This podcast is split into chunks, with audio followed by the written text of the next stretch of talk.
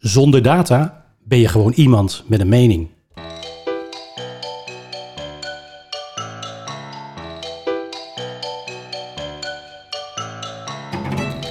Welkom bij de eerste aflevering van Data Talks, een podcast van Hippoline. Hippoline is data en business intelligence specialist. Het bedrijf bouwt dashboards, geeft training en advies. En op de website lees je daar alles over. Te gast hier tegenover mij zit uh, Mirjam van Koten. Zij bijt het spits af in deze eerste aflevering van Data Talks. En mijn naam is Joël Batenburg. Mirjam, welkom. Dankjewel. Beetje spannend, eerste Absoluut. aflevering. Ja, Daar zitten we aan de keukentafel. eh, ja, dat kun je wel zeggen. Ik ben heel benieuwd. Ehm, we gaan het hebben over Click World, driedaags congres eh, met heel veel seminars, keynote speakers. En doorgaans wordt dat gehouden in Amerika. Dit jaar was het thema Active Intelligence en het gebeurde allemaal online. Daar gaan we het zo meteen over, eh, over hebben. Eh, wat je daar hebt opgestoken, wat de interessante sprekers waren. Eerst Hippoline, voor wie het bedrijf nog niet kent. Wat doen jullie, wie zijn jullie, met zoveel? Nou, je kondigt het al mooi aan. Wij zijn data- en BI-specialist. Met een harde kern van 12 consultants eh, is het voor ons een eh, ontzettende leuke onderneming om samen met onze klanten eh, de informatie uit de data te halen en daarmee bedrijven te laten groeien. En ja, een mooi product neer te zetten. Voor welke bedrijven werken jullie? We werken eh, voor elk bedrijf eh, wat begrijpt wat je allemaal met data kunt doen, of daar nieuwsgierig naar is. Maar we hebben wel een, eh, een duidelijke focus op de financiële markt, hypothecair en verzekeringen. En wat heeft jou nou doen besluiten om een podcast over data te beginnen? Je hebt een website, je hebt een nieuwsbrief, je hebt blogs, jouw mensen schrijven over hun werk. En nu een podcast. Haha, wij, wij doen ook mee. Nou, daar zit zeker wel een gedachte achter. We doen eh, nu 12 jaar en als je kijkt naar 12,5 jaar geleden, dan was data eigenlijk iets voor de specialisten en voor de analisten en voor de IT'ers. Nu, 12,5 jaar verder, is data en informatie voor eigenlijk bedrijfsbreed. En dat betekent eigenlijk ook voor je communicatiemiddelen dat je daar ook een open blik op moet hebben en daar ook op moet mee bewegen. Want je wil het verhaal weer op een nieuwe manier naar een nieuw publiek toe brengen. En ja, spannend is het wel, maar ik denk dat een podcast daar een leuk middel voor kan zijn. Bovendien weet ik van jou en van je eigen mensen dat zij zelf ook graag naar podcasts luisteren. Ja, ja, dat is zeker iets van deze tijd. Je kunt een verhaal op papier zetten, je kunt het op een website zetten, maar soms gewoon geconcentreerd luisteren. Daarmee kun je informatie prima overbrengen en dat past bij ons. Oké, we gaan naar Click World. Driedaags eh, congres. Doorgaans wordt dat gehouden in Amerika. Gaat uit van Click. Click is de software waarmee jullie de data ontsluiten. Zeg ik het goed? Ja, dat zeg je helemaal, eh, helemaal goed. Ehm, we doen dat eigenlijk al twaalf jaar met Klik. We zien dat het een product is wat zich steeds maar aanpast met de nieuwe mogelijkheden. Ehm, nou ja, twaalf jaar geleden stond ik in Barcelona, waren we met een man of 200. Eh, nu is het wereldwijd, eh, elk jaar in Amerika. En niet alleen maar partners, maar ook de klanten zijn van harte welkom. En heb je het over een paar duizend man die daar staat. En zie je gewoon, ja, wat een, wat een gigantisch groeiende markt dit is.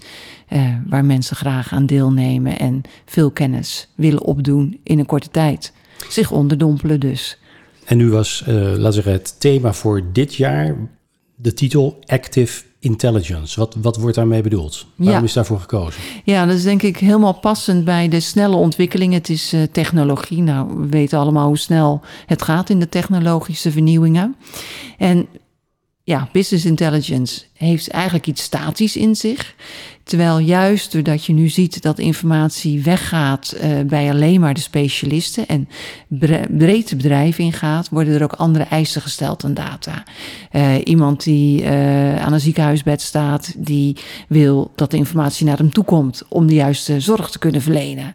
Ehm, als je aan de productieband staat en, en beslissingen moet nemen over voorraden, dan moet dat niet achterlopen met je bestelling. Want wij als consumenten alleen al willen als vandaag iets bestellen, dat het er morgen is.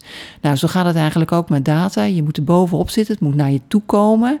Eh, het moet eh, snel zijn, het moet eh, eigenlijk on-demand zijn.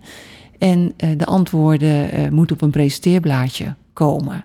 Nou, op, op, maat gesneden voor de op afnemer? Op maat gesneden voor de afnemer, hoe jij eh, omgaat met wat jij nodig hebt. Of je er eh, heel veel verstand van hebt in de analyse duikt, of dat je gewoon een antwoord wil. Is het ja of is het nee? Moet ik naar rechts of moet ik naar links? Uh, en moeilijker moet het niet zijn. En wat is in het kader van dat thema, Active Intelligence? Je hebt een aantal workshops, heb jij online nu bijgewoond. Uh, wat hebben sprekers daaraan toegevoegd of wat hebben ze daarover te zeggen gehad?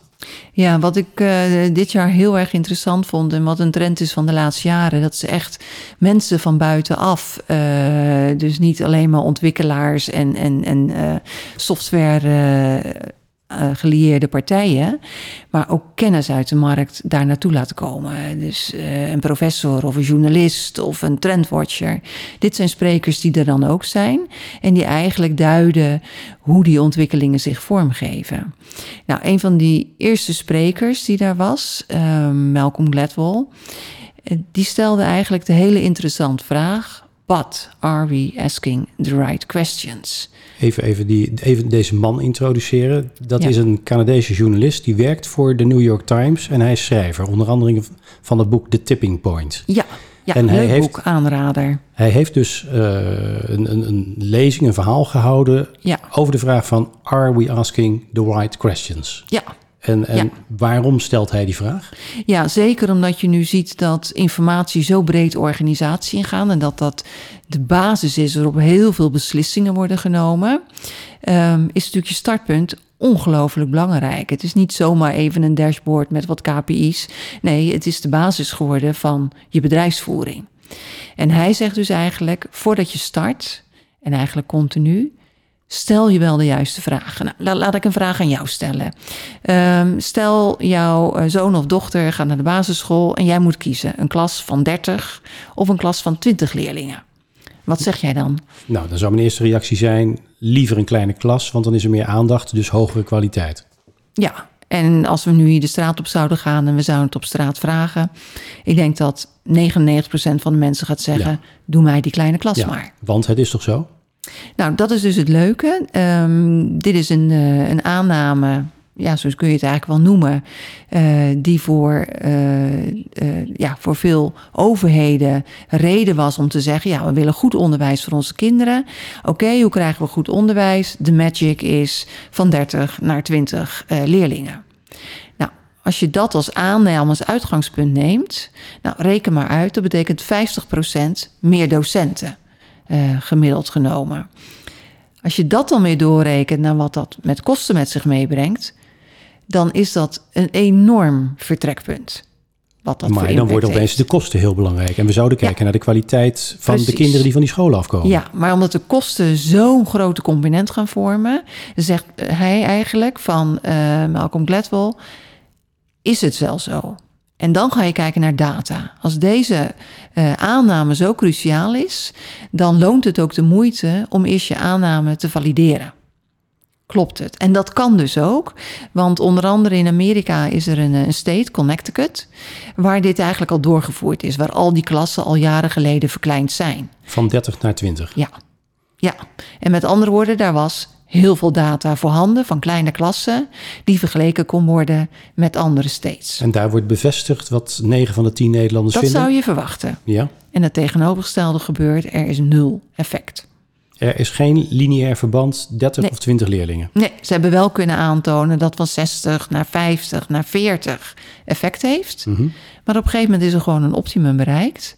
En zou je zelfs kunnen stellen, werd al, uh, die conclusie werd voorzichtig getrokken, dat onder de 20 het niveau zelfs daalt. En waar komt dat dan door? Um, dat hebben ze uh, zover kunnen onderzocht uh, door dat te vragen aan docenten die deze ervaring hadden. En die gaven aan, in een kleine klas zie je dat de eenling, de, de, de woordvoerder, een enorme stempel kan drukken op de klas. Dus die kan de sfeer in de klas bederven. Maar ook de zwakke leerling, die zich anders aan een ander zou kunnen optrekken, die heeft geen maatje meer. Hm. Dus je ziet daar hele andere uh, ja, energieën ontstaan ja. die niet goed zijn voor het... het bullyinggedrag, uh, ja. pestgedrag ja. neemt, uh, neemt toe. Ja. ja, en een andere conclusie die werd getrokken is bij die kleinere klassen... ja, het geld houdt een keer op. Dus de uh, salaris van docenten kwamen onder druk te staan. Daarmee het aanzien van het vak. Oh, want naarmate je meer docenten nodig hebt, uh, wordt dat salaris ook lager? Nou, dan, dan kwam in ieder geval, werd de discussie ingewikkelder dat er weer zoveel geld bij moest.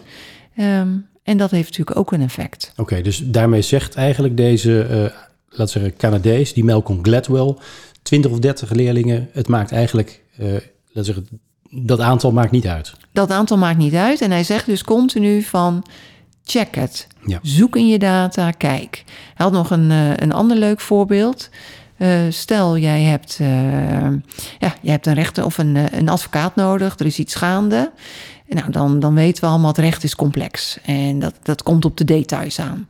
Dus als jij dan kan kiezen tussen iemand die zijn tijd neemt, die het snapt, maar die geen fouten maakt, versus de snelle advocaat die zegt, nou, ik denk wel dat dit goed is, voor wie kies jij? Dan kies ik voor uh, misschien de wat trage, langzame, waar ik meer voor betaal, maar die wel beslagen ten ijs komt. Ja, ja, dat is inderdaad een, uh, ook de conclusie eh, die daar getrokken wordt. En die wordt dan gekoppeld aan het feit dat het toelatingsexamen niet alleen naar heb je de antwoorden goed kijkt, maar ook dwingt de leerlingen uh, of de, ja, de studenten in een kort tijdsbestek de vragen te beantwoorden. Met als gevolg dat uh, degene die het overdenkt tijd tekort komt en uiteindelijk hetzelfde scoort als iemand die veel vragen fout heeft beantwoord. Ja, maar wel de hele lijst heeft doorgenomen. Maar wel de hele lijst heeft doorgenomen. Aan alle beantwoordingen is toegekomen. Exact, ja. exact. En dan, uh, ja, en dan is dus eigenlijk daar ook weer de vraag: klopt het middel met het doel wat je bereiken wil? Are we asking the right questions? Precies. Ja. Nu heb je ook nog een andere sessie bijgewoond uh, van twee uh, andere experts. Kun je daar iets over zeggen? Ja, een uh, professor in de wiskunde, Hannah Fry. en um, Yasmin Abdil Magid. En ze hebben het over algoritme gehad. Ja, zij zeggen eigenlijk using data to beat bias. En dat is eigenlijk wel een heel mooi vervolg op uh, Malcolm Gladwell. Die zegt van neem je de juiste aanname. En zij gaan eigenlijk een stap verder. Van ja, om de juiste data te onderzoeken, moet je zorgen dat je ook de juiste data gebruikt. Um, om een goed voorbeeld te noemen. Als je data zou gebruiken om te kijken of je een man of vrouw moet aannemen eh, om een groot bedrijf te leiden, en je zou naar historische data kijken, dan weten wij dat de man oververtegenwoordigd is. Als je dat niet meeneemt in je data, dat dat uit historisch perspectief erin zit, mm -hmm. dan krijg je dus een algoritme wat zegt: je moet mannen aannemen. Dus ook zij zeggen weer van ja, je hebt uh, voor een algoritme heeft absoluut niet. Een algoritme heeft namelijk geen vooroordelen, zoals jij en ik hebben. Wij doen aannames en wij werken soms op ons onderbuikgevoel. Maar om het algoritme goed te krijgen, heb je wel weer de menselijke maat nodig om de logica erin te ontdekken. Van ja, maar wacht even, dit is niet een repetitieve dataset om het algoritme op te bouwen. Ja. Het algoritme is niet heilig en we moeten het niet, uh, laten we nee. zeggen, zalig verklaren. Het uh, een, ja. Het een kan niet zonder het ander. De mens kan niet zonder het algoritme nu en het algoritme niet zonder ja. de mens. Dat waren de sessies die je hebt bijgewoond. Ja, ik wil er nog wel één ding aan uh, toevoegen. Ja. Wat, wat ik erg uh, leuke eye-opener vond, is dat ook deze twee dames pleiten voor diversiteit binnen bedrijven. Zeker naarmate je meer gaat sturen op de uitkomsten van data en die leidend gaan zijn, zeggen ze naast het uh, kijken of je de juiste data gebruikt, heb je diversiteit aangebracht. He, laat je niet weer uh, dezelfde type mensen beslissen over de uitkomsten, maar haal je daar uh, bedrijfsbreed, uh, oud, jong, gender, nationaliteit in feite bij en achtergrond. Eigenlijk is active intelligence dan zo weer rond, dat cirkeltje. Ja. En ja. het verhaal van Malcolm Gladwell, Are we asking the right questions? Ja. Nog voordat je een dashboard gaat, gaat bouwen. Mirjam, die uh, kennis breedt de organisaties in en uh, diversiteit. Zie jij dat ook terug bij jouw eigen klanten waar je voor werkt? Ja, dat zie ik zeker. Uh, zeg maar in een non-profit organisatie. Um, uh, hebben ze iemand aangenomen die de vertaalslag, die eigenlijk uit de retailwereld kwam. En die daar eigenlijk binnenbrengt van de medewerkers moeten informatie tot hun beschikking hebben. En die heeft een eenvoudig, uh, samen met hem hebben we een eenvoudige KPI uh, ontwikkeld. Waarmee de medewerkers in één keer zagen van hé, hey, een terugkomafspraak. Oh, die dachten we dat op 80% stond. En gewoon het simpele feit dat ze niet zagen dat het 80% was, maar 60%. En dat ze daarmee uh, mogelijkheden en kansen lieten liggen. Dat ene simpele gegeven, dat we dat inzichtelijk hebben gemaakt, gewoon op de werkvloer, heeft binnen een week tijd resultaat opgeleverd. Die simpele bewustwording, en dat, dat is super gaaf om te zien. Click Worlds, een terugblik uh, op deze sessies heb jij uh, gegeven. Um, volgende keer gaan we het met Rut Martorecchio, dat is jouw collega, zij is BI-consultant, gaan we het hebben over datavisualisatie. Zij heeft ook een aantal sessies ClickWorld bijgewoond. Wat wordt even in een nutshell haar verhaal? Ja, wat ik ontzettend leuk vind uh, met Rut, en als je kijkt naar waar we vandaan komen met tabellen en grafieken, een saai verhaal eigenlijk voor de analist. Stenen tijdperk van de BI. Exact. Weet zij het aantrekkelijk, toegankelijk en uh, voor iedere gebruiker uh, werkbaar te maken. En dat is hartstikke leuk. Want zij let vooral op design. Zij let vooral op design en ook op de toegankelijkheid dat het uitnodigt. Ook voor, een niet iemand, voor iemand die niet gewend is om toch vrolijk te klikken, naar de antwoorden te zoeken, zonder ook maar enig moment te denken: waar kijk ik naar? En weet jij al wat voor sessies zij heeft bijgewoond, ClickWorld? Ja, zij heeft in ieder geval één bijgewoond over de uh, top 10 visualisatietips. Mm -hmm. Dus dat is eigenlijk een hele hands-on. En zij zal ook haar uh, ja, gevoel geven van wat zij daar heeft opgestoken en doorvertaald naar haar werk. Visualisatietips, dan denk ik onmiddellijk beeldend en dat wil je zien. Maar volgende week of de volgende keer gaan we dat in ieder geval van Rut horen. Ze gaat dat vertellen, dat verhaal, ja. in Datatalks. Ja. Nou, dankjewel voor je komst, Mirjam. Um, als er luisteraars zijn die willen reageren, inhoudelijk willen reageren of een vraag hebben over active intelligence, over BI of het verhaal van, uh, van Mirjam van Koten, uh, voel vrij om te reageren via de contactpagina van, uh, van Hippoline, hippoline.nl. Dankjewel, tot de volgende keer. Dankjewel.